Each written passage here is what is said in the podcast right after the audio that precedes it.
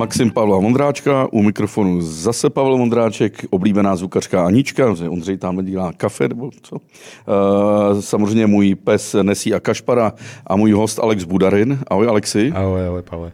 Alexi je podnikatel, businessman, ale je taky Rus.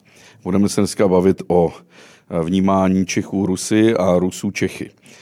Ale Alexi, jsi český Rus, anebo jsi ruský Čech? No, abych řekl, už spíš ruský Čech za tu dobu. dobře, dobře. Alexi, rovnou k věci. Tady do, do Čech, do té kotliny středoevropský uh, emigrují Rusové už 100 let. Po roce 1918 byla první vlna. Ano. Pak byla druhá vlna, to jsou počátek 90. let. Já bych řekl, že to je jako nějak to začalo někdy ještě za Sovětského svazu, někdy, já nevím, bych řekl, že to byly nějaký 60. leta, spíš jako říkám po těch, po těch vlastně A to nebyly... známých vlastně 60 konci 68. Vlastně. Ale to nebyli emigranti, že To byli, no, to byli spíš okupanti. No, to byli okupanti, ale otázka je taková, že jo, jako kolik lidí tady zůstalo, že jo, z těch, jakoby, řekneme, z nějakého přesvědčení, že prostě jsou přece jenom blíž prostě někam na západ, jako, že, jo, že jsou už vlastně za tou železnou oponou, jako v podstatě. Ale vy jste Takový se... předsyní, bych to nazval západu, takže... Ale vy jste se do Čech do Prahy, dost, ty se dostal přes svého tatínka.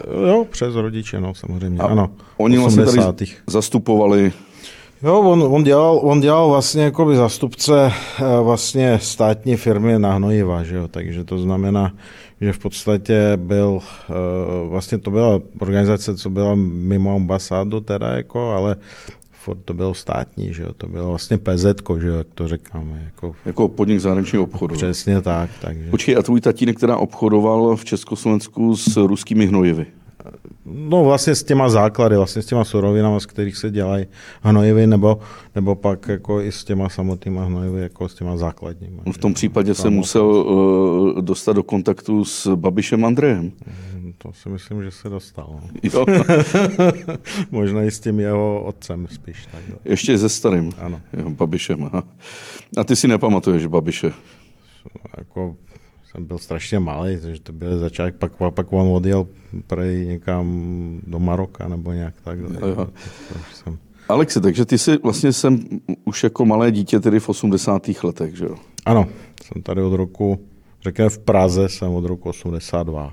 A takže to můžeme považovat taková ta druhá vlna těch eh, vlastně příslušníků občanů Sovětského svazu, především Rusů, mm. který jsem jdou v těch 70. 80. letech. A pak přichází ta třetí vlna, to jsou ty 90. léta. Ano. A ty se dají nějak charakterizovat? Člověče, já bych to jako řekl, že to je charakterizovat. Já vždycky jsem říkal, že jsou to prostě, jsou to tři vlny, prostě první vlna, jak správně říkáš, to je vlastně byly v podstatě, řekneme, uprchlici vlastně po VŘSR, že jo, a e, po vlastně, řekneme, Leninovým převratu a jo, ta druhá vlna byla taková volnější vlastně, ta začala někdy koncem 60. a v podstatě skončila někdy v roce, bych řekl, 90, jo, protože po 90. vlastně spíš po 90. čtvrtým, pátým jsem začali prostě najíždět lidi, prostě, kteří už uh, se vyprofilovali nějakým způsobem Eh, v tom Rusku vlastně moderním, hmm. nebo moderním, jako řekneme eh, postsovětským. To znamená, že už dosáhli určitých, eh, určitých postavení, jako buď, a teď, a teď jsme u toho, buď prostě A, to byly nějaký, řekneme, skoro zločinecké organizace, že jo? to je první vlastně, řekneme, třída. Druhá třída je v podstatě taková kvazi podnikatelská, která de facto dostala k nějakým velkým penězům uh, skrz, řekneme, neúplně legální privatizace, která tam probíhala v té době.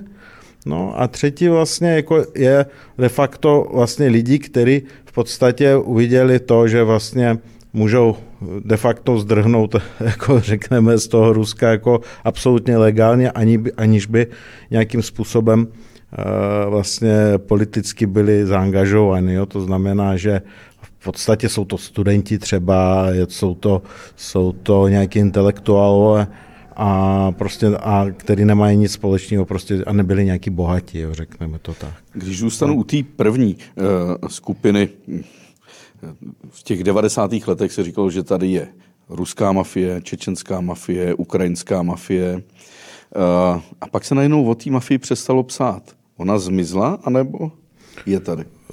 Jak myslím, jako já si myslím, myslím, že jako je o tom, Eh, že za A poměrně dobře fungovala vlastně ta česká policie, vlastně bych řekl, že jako fungovalo velmi, velmi sofistikovaně a eh, podstatě to v podstatě jako de facto vymítila. Jo? To znamená, že ne, že to zlikvidovalo v tom smyslu, že by všichni sedí v base, ale de facto vlastně z toho území vlastně českého v podstatě je vypudila. Jo? To znamená, že v podstatě oni neměli co tady dělat. Jo? Takže to znamená, nemohli tady najít živobytí, bych to řekl. Jo, ale jako to, že jako někam zmizela, to, to, to není pravda. Takže pořád ona, je přítomná, jenom změnila Samozřejmě, asi, samozřejmě. Ona taky měla chování. A ona taky mění jakoby určitý chování, to znamená, že to je takový trvalý, trvalý jako genesis. A bylo to drsný v těch 90. letech, když si ty jednotlivé gengy tady vymezovaly prostor a rozhodovala možná větší palebná síla? Nebo? No, jako samozřejmě jako některé jako příběhy samozřejmě jsou spíše mytického druhu, to znamená, že prostě víc se o tom se povídá nebo píše, než to bylo na, jako opravdy, ale samozřejmě určité prvky prostě jako toho násilí samozřejmě byly, že jo? to znamená, že by jako probíhaly samozřejmě nějaké vyřizování spíš mezi sebou, jo, a, a samozřejmě jako by pak probíhal takzvaný racketeering, jo, což je, jako je v podstatě de facto jako č, název pro český vypalný. Že jo. To znamená, Jasně. že se prostě jako vybíralo, vybíralo se jak od těch eh, obyčejných dělník, jako od těch řekněme většinou to byly jako Ukrajinci, teda jako, že chudáci, kteří prostě jako dělali někde na fabrikách a tohle, to, tak je samozřejmě je kasírovali a druhá věc je prostě, tak začali kasírovat i ty podnikatele, že jo, samozřejmě, který tady nějakým způsobem vznikali. A, takže tak. Co myslíš teď v souvislosti s, s obrovskou uh, krizí na Ukrajině, následnou migrací, uh, až se to všechno jakoby uklidní, až třeba během pár měsíců i ta solidarita česká trochu jako klesne dolů, uh, je možný zase očekávat návrat eh, ukrajinských takových těch struktur, gangů? No návrat, jako já si myslím, že, že spíš renesanci bych to nazval. Vlastně říkal si, že vlastně nikdy nezmizly. Přesně tak, takže prostě, a to, to se nejedná jako jenom ukrajinské, jako je ono, když jsou v tomhle tom ty národní, jakoby řekneme, řekneme struktury, tak Oni si za, za poslední dobu jako se nějak internacionalizovali. Jo. To znamená, že de facto, de facto, jestli dřív to byly jako ryze národní, jako řekneme, skupiny, tak teď prostě jako je, je vidět ta, řekneme, eh, globální spolupráce, jo, řekneme v úvozovkách. Mm-hmm. Takže tak, no. Alexi, ty jsi uh, uh, rozjížděl tady síť restaurací Kolkovna. Ano, je to tak. A když si to tady rozjel, no. tak si to o něco podobného se pokusil potom v Moskvě, v Rusku. No pokusil, jako v podstatě ta síť byla celkem populární, jako my jsme jeli celkem rychle eh, a v podstatě i ten rozvoj byl celkem rychlej, takže, takže de facto, de facto v té době uh, jsem dostal prostě nabídku vlastně na bázi jakési franšízy to otevřít v Moskvě. Jo, protože tenkrát vlastně se tam rozjížděl vlastně pivovar Submiller, hmm. Jo, nebo ten holding Submiller, do kterého spadal Prazdroj plzeňský.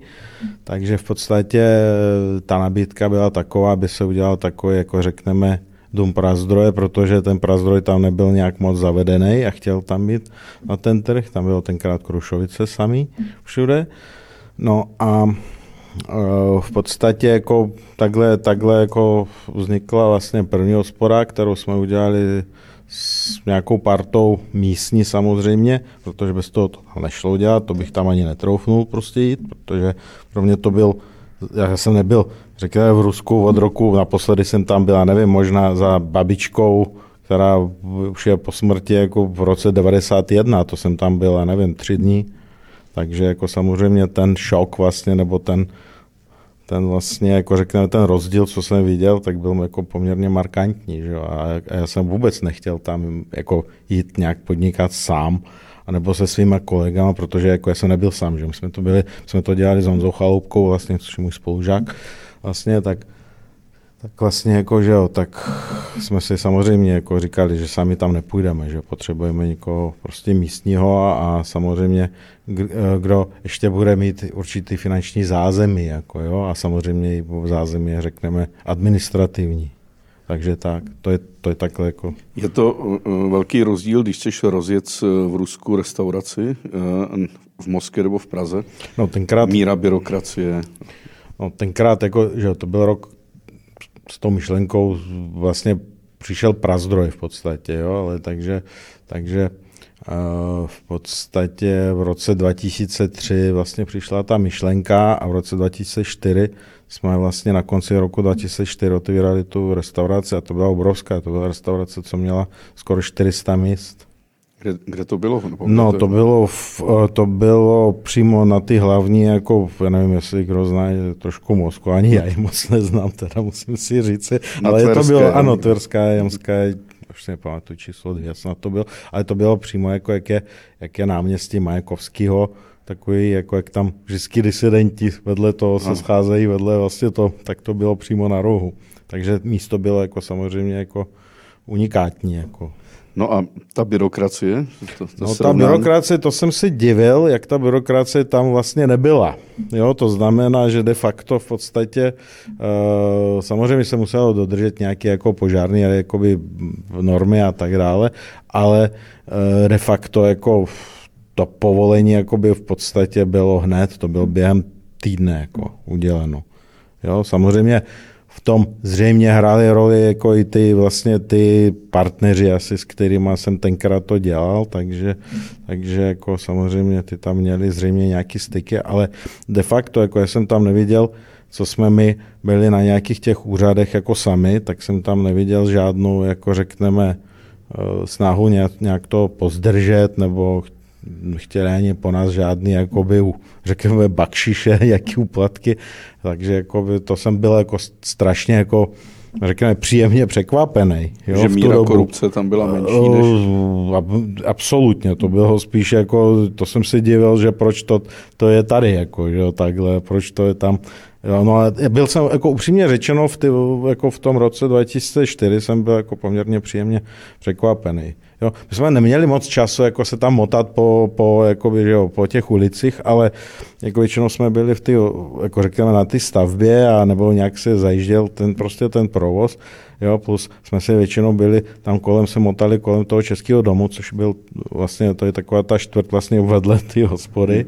Takže takže jako tam bydleli ty kuchaři, ty prostě, že jo, ty montážníci vlastně, co byli všichni z Čech, jako, že jo, protože my jsme používali vlastně veškerý český, jakoby řekneme, eh, technologie a tak dále. Takže... Ty jsi říkal, že jsi byl příjemně překvapen no. a i v následných obdobích jsi byl příjemně překvapen? Nebo... v následních obdobích. Víte co, takže tady je situace taková, protože my jsme otevřeli jako de facto jako pak jako za mý přítomnosti ještě jsme otevřeli ještě tři restaurace. Jo? To znamená, ten nástup a jako samozřejmě i ten úspěch té restaurace byl jako ohromný. Jo, to znamená, že tam jako v podstatě restaurace byla plná furt, že my jsme dělali denně, nevím, v českých jsme dělali nějakých kolem dvou milionů korun denně tržbu, jako, jo, takže, takže což je jako v Čechách jako celkem, celkem úspěch, bych to řekl. Jo? To vlastně nedělali ani všichni moje restaurace dohromady vlastně tady v Čechách. Jo? Takže, takže to bylo jako úspěšný, akorát, akorát se to dostalo pak do, do určitých takového úskalí vlastně, kde uh, už eh, ty partneři, řekneme v úvozovkách, který v podstatě, zřejmě to byl úmysl vlastně od začátku vlastně to nechat rozjet a pak to sebrat. Takže, takže a teď jsme u toho jádra pudlu. Takže, takže happy end se nekonal. Happy end se nekonal, takže, takže samozřejmě uh, potom jakoby, to, to jsem si velmi rychle vystřízlivěl. No. Jak se řekne rusky, ojebali mě? No, jako, já bych ti to řekl, jako, že to je hm. úplně stejně. To zní. Dobře. to, máme, to máme stejný. Děkuju, že jste doposlouchali až sem. Zbytek podcastu musím vás odkázat na info.cz, kde můžete mít samozřejmě zaplacený všechny podcasty, který info.cz dělá. Díky.